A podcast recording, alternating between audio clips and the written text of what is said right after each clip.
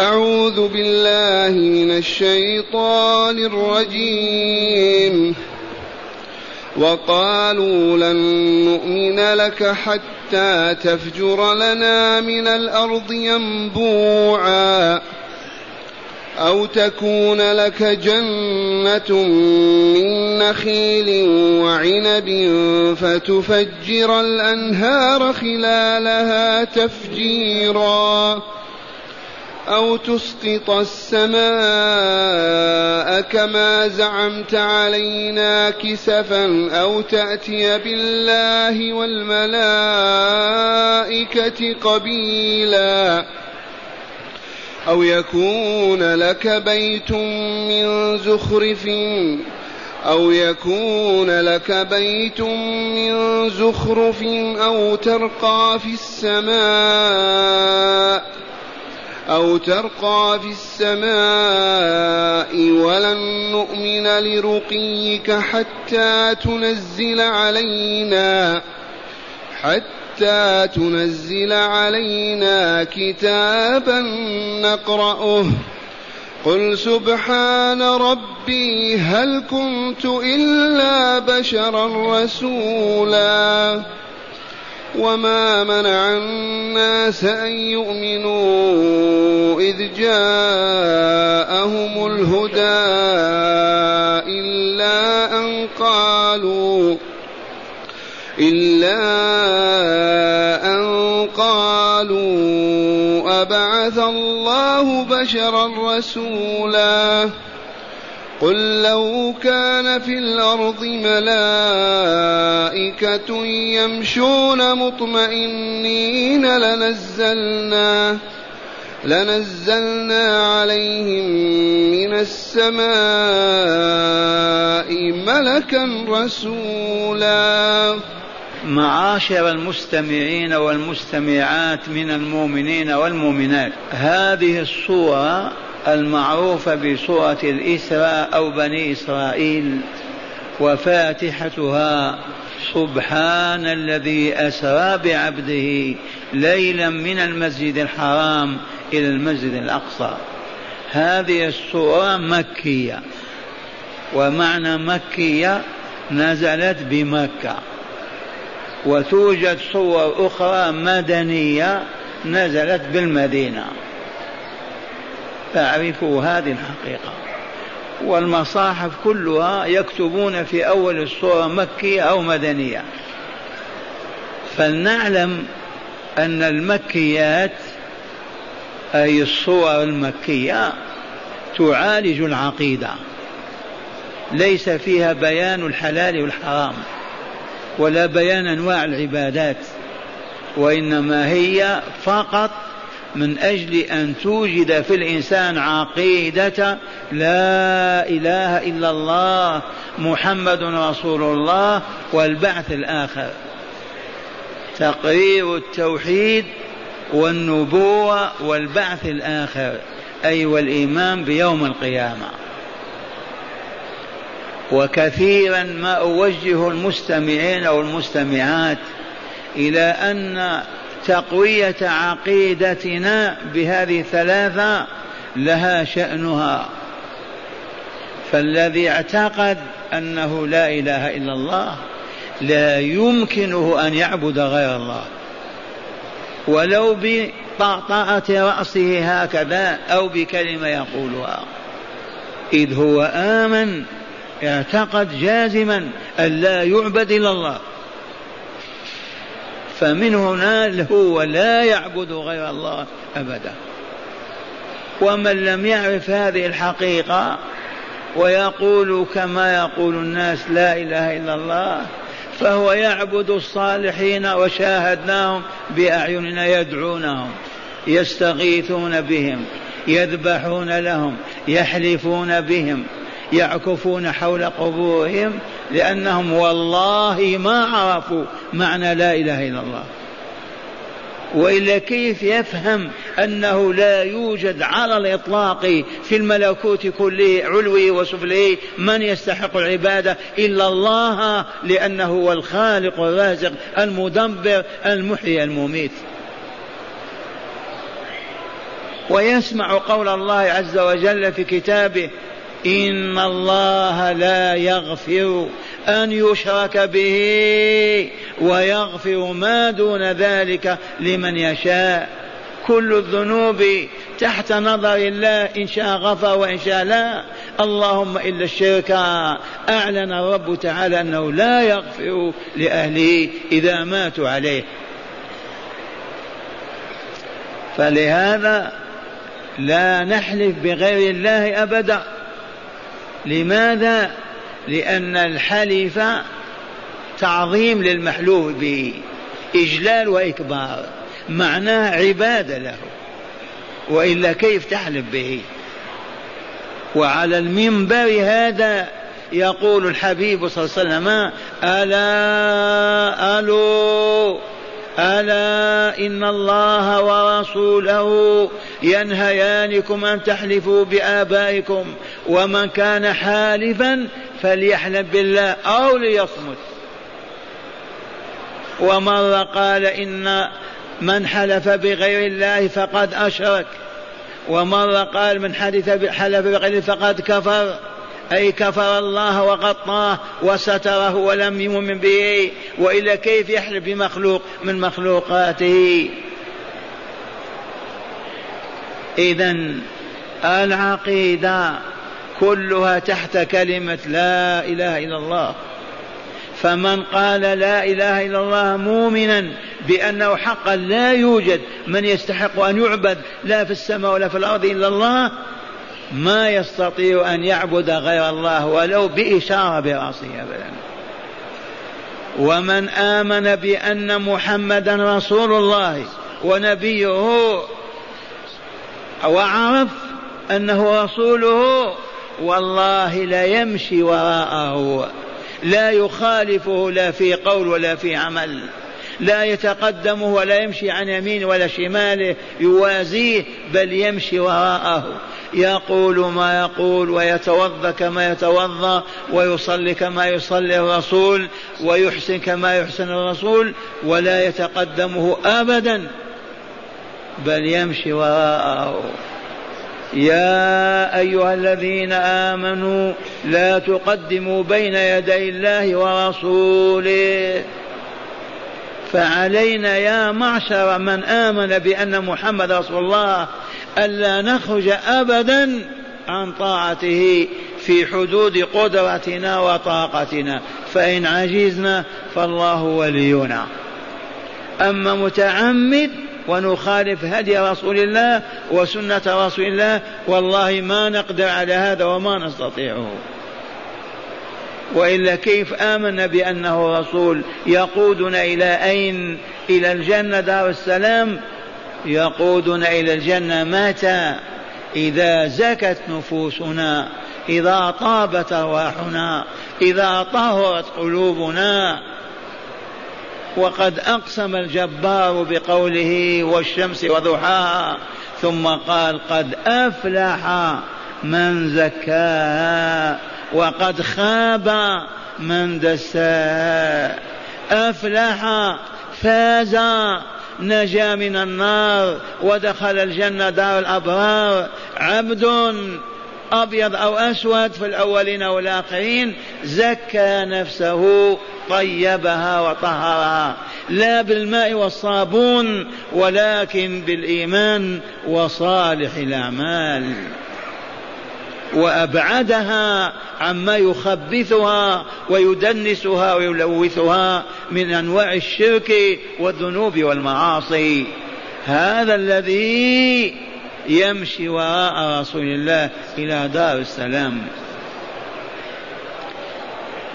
والإيمان بالبعث الآخر الذي يؤمن أنه سيدخل القبر حتما وسيسأل ويستنطق وسيرى مكانه في الجنة أو النار. هذا المؤمن ما يمكن أن يبيت على الفجور والذنوب والآثام. الذي آمن أنه سيقف والله بين يدي الله في ساحة فصل القضاء ويسأله مثل هذا المؤمن ما يقدر على أن يبيت ويموت على معصية الله.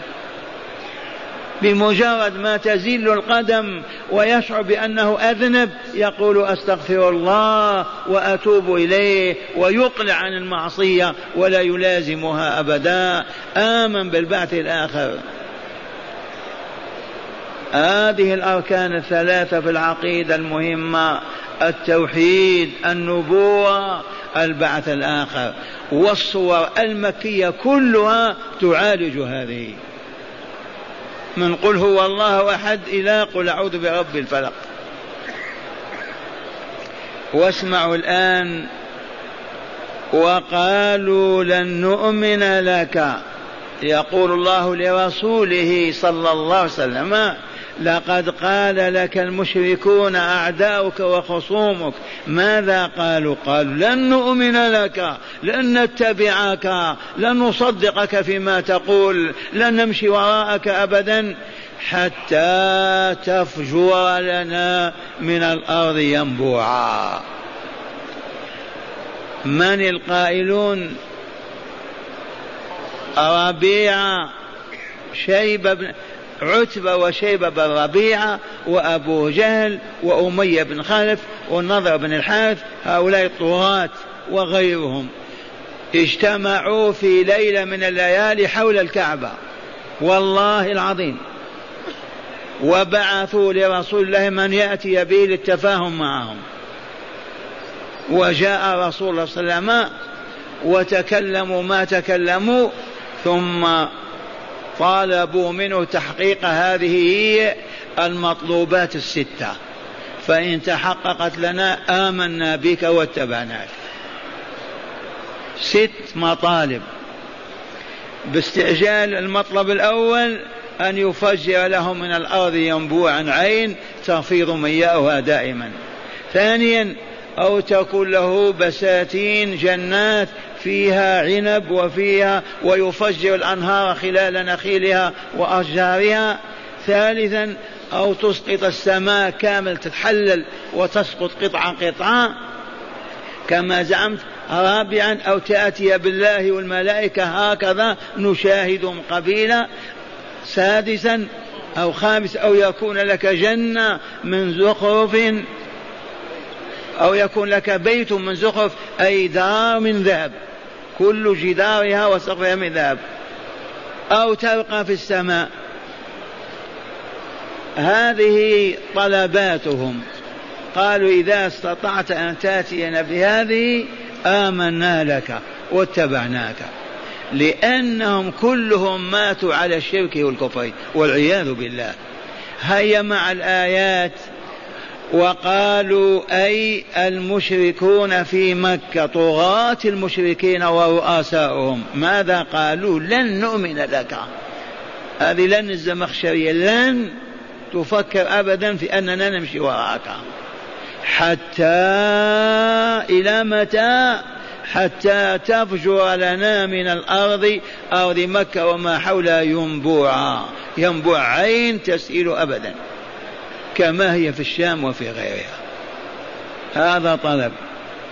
ثانيا أو تكون لك جنة بستان وقالوا في جنة إذا أشجار اجتنت وغطت من دخل تحتها من كثرة زهورها وأغصانها.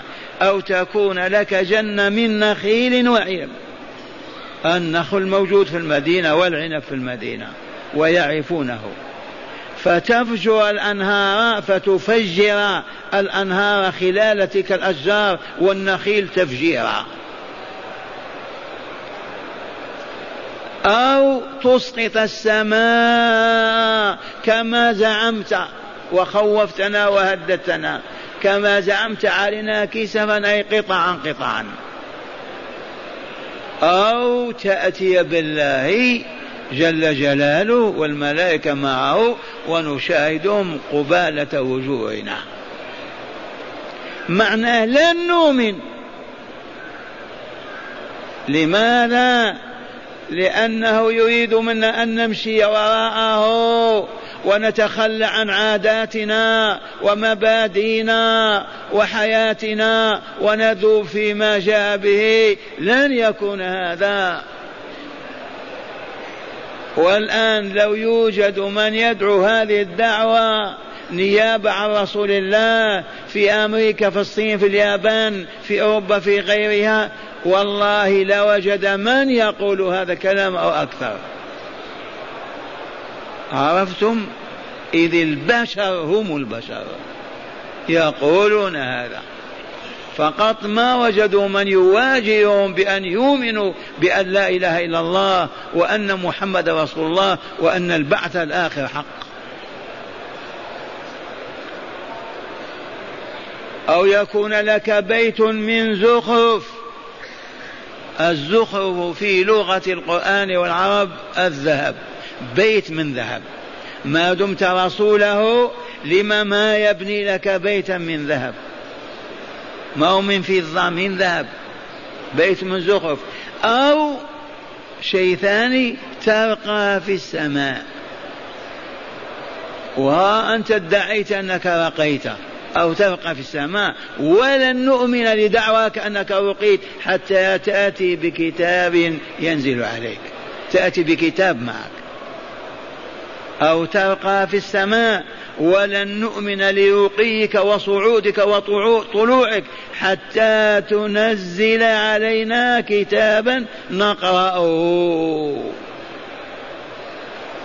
ست طلبات. معناها ما نؤمن لك أبدا. إذ هذه الطلبات ما في استطاعة الرسول أن يأتي بها أو يقدر عليها وهم يعرفون هذا. فلهذا قال له ربه جل جلاله قل سبحان الله عجبا لهذه القلوب الميتة والأرواح الخبيثة والأفكار الهابطة. عجبا قل سبحان الله هل كنت إلا بشرا رسولا؟ ما أنا إلا آدمي رجل ذو لسان وشفتين ويدين ورجلين لكني رسول أرسلني ربي إليكم. أما ذاتي أما واقعي أما حقيقتي فأنا ما خالفتكم حتى تطالبون هذه المطالب مني. أنا بشر فقط. لا أملك هذا الذي تطالبون به. بشرا رسولا. هكذا علم الله تعالى رسوله أن يرد عليهم تلك الأباطيل بقوله سبحان الله. سبحان الله هل كنت إلا بشرا رسولا. وقال تعالى بعد وما منع الناس ان يؤمنوا اذ جاءهم الهدى كانها سنه في البشر من عهد نوح ومن قبله. ما هي السنة هذه؟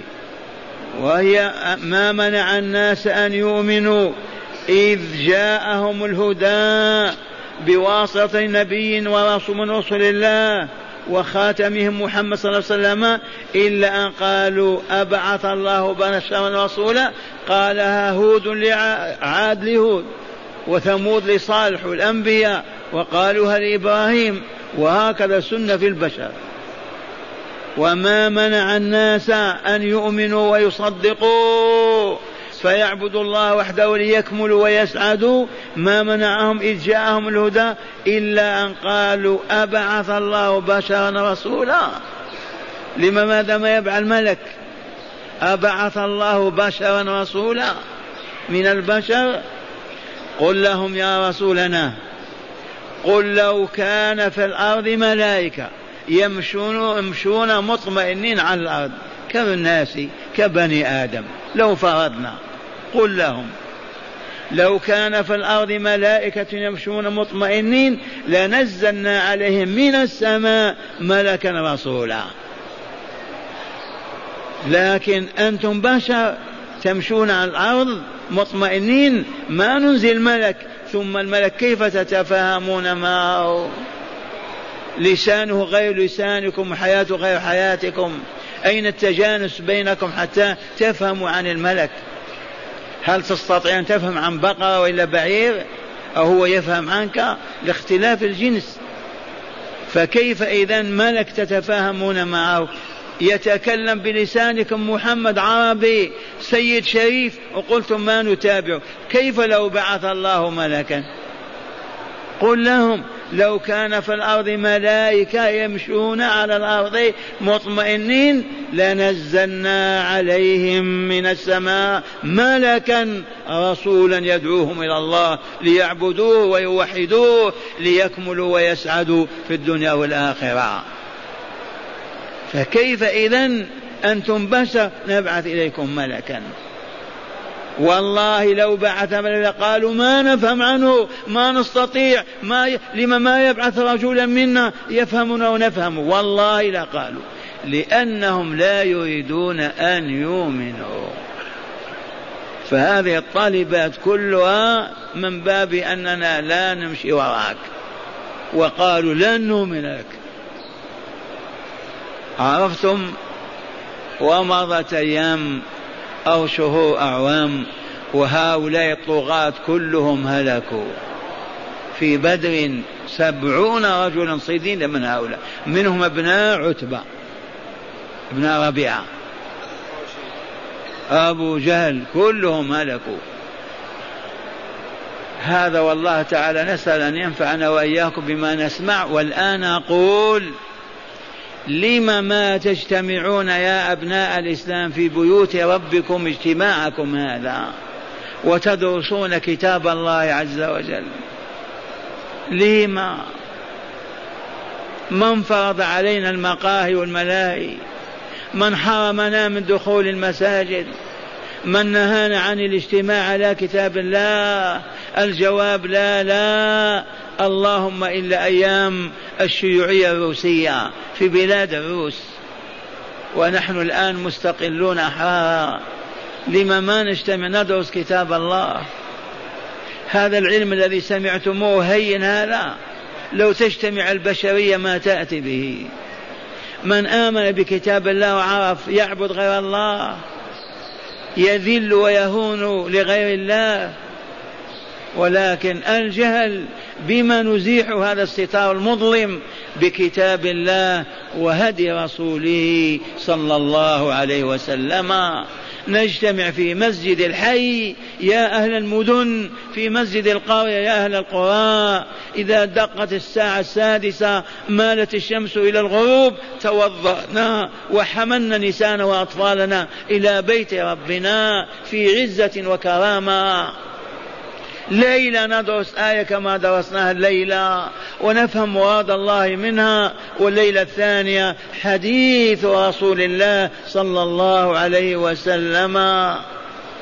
ومن قال ما نستطيع نفهم كتاب الله ما أنت الذي تفهم؟ عالم طالب علم يعرف يقرأ ويكتب وإذا قرأ يفهم. ومع هذا لتقوم الحجة لله علينا. وفقني ربي لكتابة كتاب المسجد وبيت المسلم. به ثلاثمائة وستون آية وحديثا. بمعدل ليلة حديث وليلة آية طول العام. اثنتا اثنا عشر شهرا. ونادينا وقلنا للمسافرين والمقيمين والحجاج والطلبة لم ما تجمعون أهل القرية على كتاب الله ليفقهوا ويعلموا ويسودوا ويطهروا وكأنما وزعنا الكتاب على القبور. لا إله إلا الله. ومع الأسف القرآن نجتمع عليه ليالي الموت.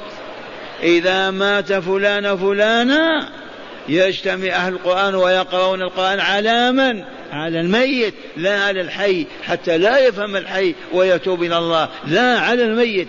انتكاسة أعوذ بالله منها. شر انتكاسة. هل الرسول قرأ القرآن على الموتى. هل أمر بذلك؟ هل وصى أصحابه؟ هل دعاكم إلى هذا؟ هذا الشافعي وأحمد وأبو حنيفة هاتوا كلمة منهم أنهم يجمعون يجتمعون على القرآن على الميت. ولطيفة يعرفها إخواننا الجزائريون. رويناها عن كبار السن. جاء حاكم والي جديد إلى مدينة وهران في بداية الاستعمار فجولوه وطوفوا به في المدينة فمر بالكتاتيب القرآن يقرؤون القرآن فيها الأطفال. فقال ما هذه الكتاتيب؟ هل الحكومة عاجزت عن إنشاء مدارس تعلمهم وأمر بإغلاق تلك الكتاتيب وليدرسوا في المدارس. على فهمه فجاء مؤمن وفقه الله ولا تخلو الأرض من موفقين صالحين. وقال يا مسيو هؤلاء يقرؤون القرآن تدري لماذا؟ ليقرأوا على الموتى. لكن في مدارس الحكومة ما فيه القرآن يقرأ على الموتى. فهم يحفظونه ليقرأوه على الموتى. قال إذا خلوهم ما دام على الموتى. عرفتم؟ وإلى الآن حتى في المدينة يقرؤون على الموتى. وهذا شأن أمة إذا هبطت. لا ينقذها ولا يرفعها إلى الله. ومن آيات الرفع والله العظيم أن يجتمع المؤمنون في بيوت ربهم يبكون بين يديه ويصرخون كل ليلة من المغرب إلى العشاء وقت ينتهي فيه العمل الدنيوي ويتعلمون كتاب الله في صدق وسنة رسول الله في صدق ويطبقون ما يعملون ما يعلمون. والله ما هي إلا أيام فيرفع الله رأسهم إلى السماء. بسم الله والحمد لله. من هداية الآيات هذه الآيات لها هدايات وإلا لا؟ كل آية لها هداية. قاطعا. فلنسمع هداية الآيات.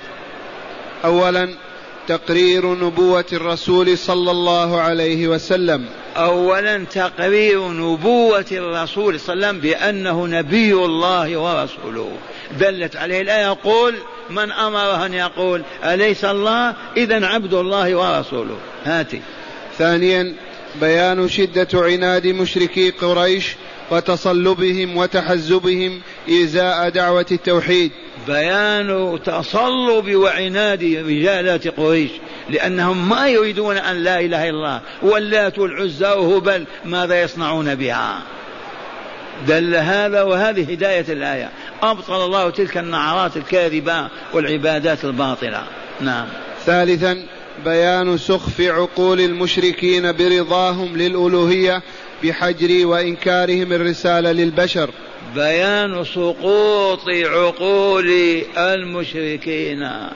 يعبدون الأصنام والأحجار ويعكفون عليها ويتركون عبادة الرحمن خالق كل شيء ومليك كل شيء. أين العقول؟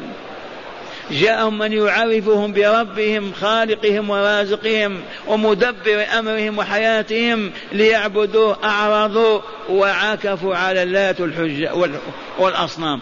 كما عكف النصارى إلى اليوم على الصليب والمسيح. هذه. رابعا وأخيرا تقرير أن التفاهم حسب سنة الله لا يتم إلا بين المتجانسين فإذا اختلفت الأجناس الأجناس فلا تفاهم إلا أن يشاء الله فلا يتفاهم إنسان مع حيوان أو جان. كما علمتم التفاهم بين اثنين لا بد وان يكون من جنس واحد. ما هو إنسان وحيوان ما هو بقرة وكلب ما هو ذيب وثعبان مستحيل لا بد من التجانس. فالبشر لا يمكن أن يتفاهموا إلا مع البشر. فلهذا يبعث الله الرسل من البشر ما يبعث الملائكة. ما نتفاهم مع الملائكة. هم جنس ونحن جنس. دل على هذا قوله تعالى قل لو كان في الأرض ملائكة يمشون مطمئنين لبعثنا إليهم ملكا رسولا. ما نبعث لهم إنسان ما يتفاهموا معه. والآن معاشر المستمعين والمستمعات يقول قائل ما السر في تقبيل الحجر الأسود وفي استلام الركن اليماني. فالحجر الأسود كما علمتم هذا الحجر المقدس الطاهر حتى قال فيه الرسول يمين الله في الأرض. من وضع يده عليه الاستلام كأنما وضع يده على يد الرحمن. لما كان يبني إبراهيم في البيت جاءه إسماعيل بهذا الحجر. هل هو من الجنة أو من جبل أبي قبيس؟ والظاهر على ألسنة أهل العلم أنه من الجنة دار السلام. ومن هنا والله سيرفع ولا يبقى. ولنذكر له حادثة لما تزعزع البناء وتساقطت البيت قامت قريش بإعادة بنائها. وهي تبني لما وصلوا إلى مستوى الحجر اختلفوا من هو الذي ياخذه بيديه ويضعه في مكانه. كل قبيلة قالت نحن أولى بهذا. كل جماعة قالوا نحن أحق بهذا. شرفنا هو هذا. فاختلفوا وكادوا يتطاحنون ويتصاولون. فقالوا ننتظر من يدخل مع الباب أول ما يأتينا نعطيه وضع الحجر. فكان رسول الله صلى الله عليه وسلم فقالوا هذا الأمين هذا محمد هذا الأمين فجاء وهو ملهم وهو صبي وهو حديث السن وهو شاب إلهامات ربانية. لأن قلبه صفاه الله وطهره. قال لهم ائتوني بثوب. فأتوا بثوب فوضعه هو بيديه على الثوب. ثم قال كل قبيلة ترفع من جهة حتى تشتركوا كلكم في رفع الحجر. ووالله لكان ذلك. فرفعوا الثوب ذاك الحجر في وسطه من كل جهاته بنو هاشم بنو فلان بنو تميم. ولما قاربوا المكان أخذه بيديه الشريفتين ووضعه في مكانه وهو في مكانه والله إلى الآن. وضعه رسول الله صلى الله عليه وسلم. إذا والحاجة وركن اليماني لما مفضل؟ أقول أركان البيت مفضلة كلها. لأن إبراهيم وضع البيت عليها. فالركنان الشاميان غير موجودان غير موجودين. لما؟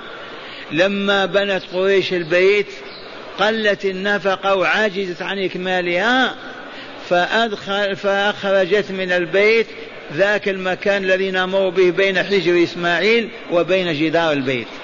فالركنان الشاميان ليس موضوعين على الركنين الأولين. تأملوا. أما الركن اليماني باقي مع ركن الحجر الأسود كما كان وضعهما إبراهيم عليه السلام. فهذا سر تسليم استلام الركن اليماني باليد هكذا.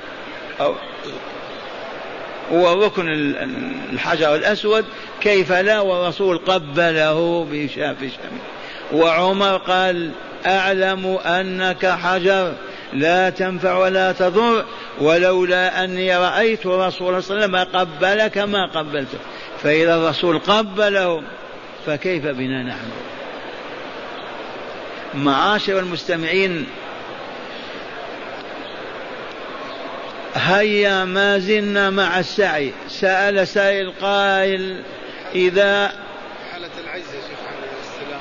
في حالة العجز عن الركن اليماء الركن الحجر الأسود أو الأسعد وهو أسعد وأسود كلاهما.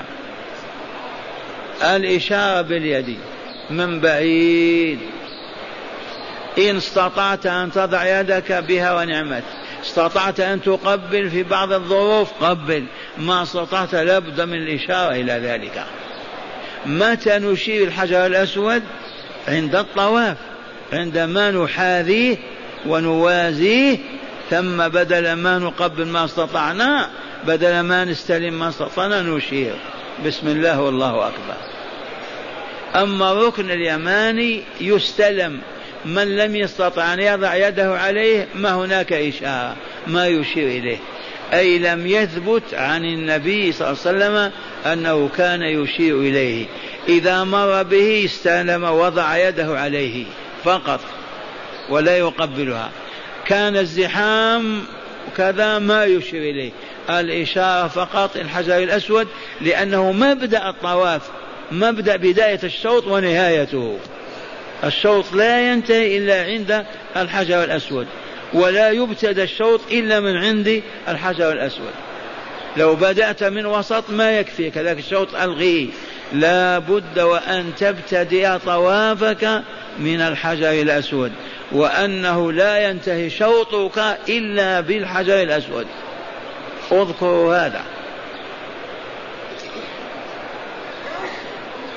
بالأمس السعي بين, بين الصفا والمروة. عرفنا أن الرجال الفحول من أمثالكم يهولون يخبون وإلا لا. وأما المؤمنات والضعف من الرجال ليس عليهم خبب في ذلك الوادي يمشون مشي عادية. ما هو السر في هذا؟ قلنا إنه إحياء ذكرى هاجر أم إسماعيل. هاجر هذه. هذه جارية مصرية. أهداها ملك مصر القبطي لزوج إبراهيم عليه السلام سارة بنت عمه. عرفتم؟ حدثت حادثة ونزل إبراهيم بأرض مصر وطلبوا زوجته ليقدموها إلى ملك مصر ولما قدموها إليه وألبسوها أحسن اللباس وجملوها وجلست إلى جنبه. فكان يلاعبها يداعب يحادثها وإذا أراد أن يضع يده عليها يصاب بالشلل الفوري. والله العظيم. ثلاث مرات. ثم قال اخرجوها عني. ما هي بآدمية هذه؟ كلما يلين ويرق وإذا يمسها تيبس يده. أخرجوها عني وصنعوها. فألبسوها وأعطاها جارية تخدمها. هذه الجارية لما كانت هي تملكها وهي زوجها إبراهيم فقالت لزوجها أهديتك. أعطتها لزوجها يتسرى ما معنى يتسرى يجامعها. لعل الله يرزقه ولدا منها. وهذا التمليك جائز إلى اليوم إن وجدنا العبيد الأرقة. إذا فشاء الله أن تحمل هاجر بولد في بطنها. وسارة من زمان مع زوجها ما شاء الله بلغت الثمانين أو أكثر ما ولدت. ما أنجبت. فلما رأت الجارية خادمتها تحمل وهي لك تارت وأصابتها الغيرة الغيرة أو الغيرة وتألمت. فأرشد الله إبراهيم أن يبعدها عن سارة حتى ما تكب وتحزن. قال امشي معي يا هاجر. إذا والطفل في يدها وكانت تعفي بخمار بخمارها الأثر الأقدام ووصل بها إلى إلى مكة علامة البراق الذي حمل الرسول صلى الله عليه وسلم من مكة إلى بيت المقدس موجود عند الله يحمله من بيت المقدس إلى مكة. وإلا كيف مرة وطفل كم يحتاجون إلى مسافة؟ وضعها في وادي مكة. والبيت لا وجود لها إلا شيء من كوم من التراب والسيول عن يمينه وشماله السيول أخذتها. فهاجر عليها السلام لما تركها وترك معها سقا فيه ماء وكيس فيه تمر أو خبز. وعاد واللطيفة العجيبة لما قال اترككم أترككم هنا وأنا عائد إلى بيت المقدس قالت له مستفهمة آه الله أمرك بهذا يا إبراهيم؟ آه الله أمرك بهذا يا إبراهيم؟ أمرك أن تتركني وطفلي في هذا الوادي؟ لا ماء ولا طعام. قال نعم. قال إذا فاذهب فإنه لن يضيعنا. هذه تزن الدنيا وما فيها. هذا هو الإيمان. هذا هو الإيمان. لا مؤمن ويقال اترك التدخين ما يستطيع. أعفو لحيتك شوية يقول ما نقدر. فأين مقام هاجر آه الله أمرك بهذا يا إبراهيم. قال نعم. قالت إذا فاذهب فإنه لن يضيعنا. والله ما ضيعهما وانظر إلى ذلك. عطش الغلام انقطع الماء نفد.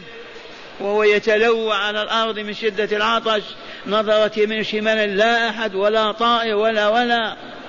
ورأت جبل الصفا فارتقته وعلت فوقه وتنظر يمين وشمال وشرقا وغربا ما رأت راكبا ولا ماشيا ولا ما ولا.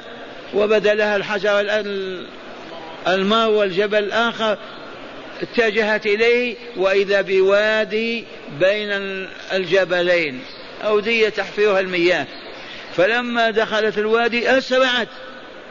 تستعجل لعلها تجد الماء لطفلها قبل أن يموت. أسرعت. ورقت جبل الصفا ونظرت يمين وشمال ما رأت شيئا. فعادت. لما وصل الجبل أسرعت. خبت فيه خببا. حتى علت المروة الصفا سبع أشواط. وهي كذلك. ثم هاتف بها هاتف وتقول أسمعت أسمعت هل من غياث؟ وإذا بإسماعيل و... وإذا بجبريل عليه السلام واقف على رأس إسماعيل. جبريل عليه السلام واقف على رأس إسماعيل وهو يتلوى. والشاهد عندنا أحيا الله هذه السنة على يد رسوله صلى الله عليه وسلم حتى ما ننساها. أيما رجل يسعى ينبغي أن يخب في هذا الوادي ولا يمشي. إحياء لذكرى أم إسماعيل هاجر عليه السلام. واسم جبريل لما وصلت هاجر قال بعقبه هكذا ففارت زمزم فاض الماء فأخذت تزمه وتحصره حتى لا يفيض عنها. تفهم أنه ينقطع. فلهذا يقول الرسول الكريم صلى الله عليه وسلم رحم الله أم إسماعيل. من أم إسماعيل؟ رحم الله أم إسماعيل. لو تركته لكان عينا معينا. لو ما زمته لكان عين إلى يوم الدين يسيل. مياهه يسقون به الزروع والنخيل. لكن قضاء الله وقدره. هذا الماء ماء زمزم يقول فيه الرسول الكريم صلى الله عليه وسلم واحفظوا واعملوا ماء زمزم لما شرب له. اشربه بما تريد صحة تحصل علم يحصل عدوك يهلك ماء زمزم لما شرب. اشربه بنية أن يقع لك كذا وكذا يحدث بإذن الله هذا. وخاصة الأمراض والأسقام. وعندنا آية أخرى. أبو ذر الغفاري رضي الله عنه لما أسلم من البادية ودخل مكة وعذبوه وكان ماذا يصنع؟ يشرب زمزم ويعالج دماءه وجراحته بزمزم يغسلها. لا طعام عنده إلا ماء زمزم ولا دواء عنده ولا مرهم إلا الماء يغسل الجراحات. وشفاه الله عز وجل كذا ليلة سبع ليالي ممكن. والشاهد عندنا زمزم طعام طعم وشفاء سقم أيضا. طعام طعم وشفاء سقم أي مرض. ولا بد من النية الصادقة والإقبال على الله عز وجل اتباعا لرسول الله واهتداء بهديه. والآن نمشي إلى منى. ماذا قلت لكم؟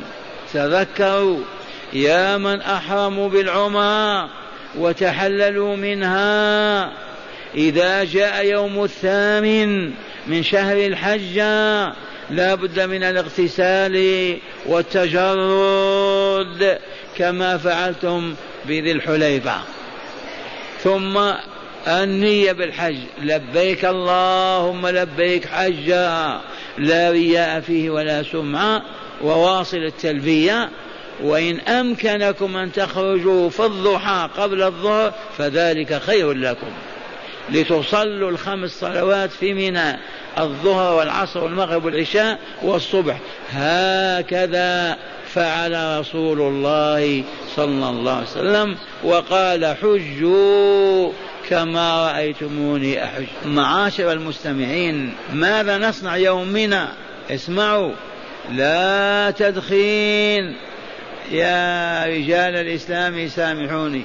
لا يحل لمؤمن ألا مؤمن أن يدخن أبدا. لا في مكة ولا في عرفة ولا في باريس ولا لندن فضلا عن طيبة ومكة. لا يحل التدخين أبدا. قولوا لي ما الجواب؟ الجواب ما هو مسدس هذا؟ ما هذا؟ هذا سواك عود. كلما أراد رسول الله أن يسبح الله يذكره يستاك به يطيب فاه من أجل أن يخرج اسم الله معه وهو طاهر. إذا فالذي يذكر اسم الله طول النهار حتى السلام عليكم. يقول وعليكم السلام ورحمة الله وبركاته. دائما الحمد لله نحن مع الله. كيف يخبث فمه وينتن ويعفنه ويجري اسم الله عليه؟ والله ما يجوز. هل يجوز أن تدخل معك اسم الله إلى المرحاض إلى الحمام إلى بيت الخلاء؟ والله ما يجوز.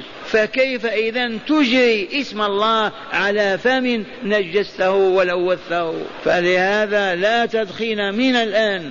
وما كان يدخل من الآن هو رجل فحل أبدا يرميه عند باب المسجد ويدوسه بنعله. وفعل هذا رجال كثيرون وبلغون هذا بعد سنين.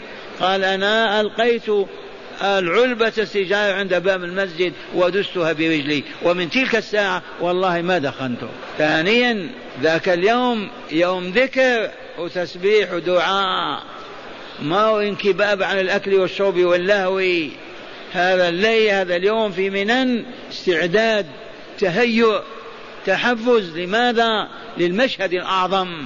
غدا التاسع نقف بين يدي الله لنتلقى الجوائز العظيمة التي يمن بها علينا. ما دمنا طيبين طاهرين فالله طيب لا يقبل إلا طيبا.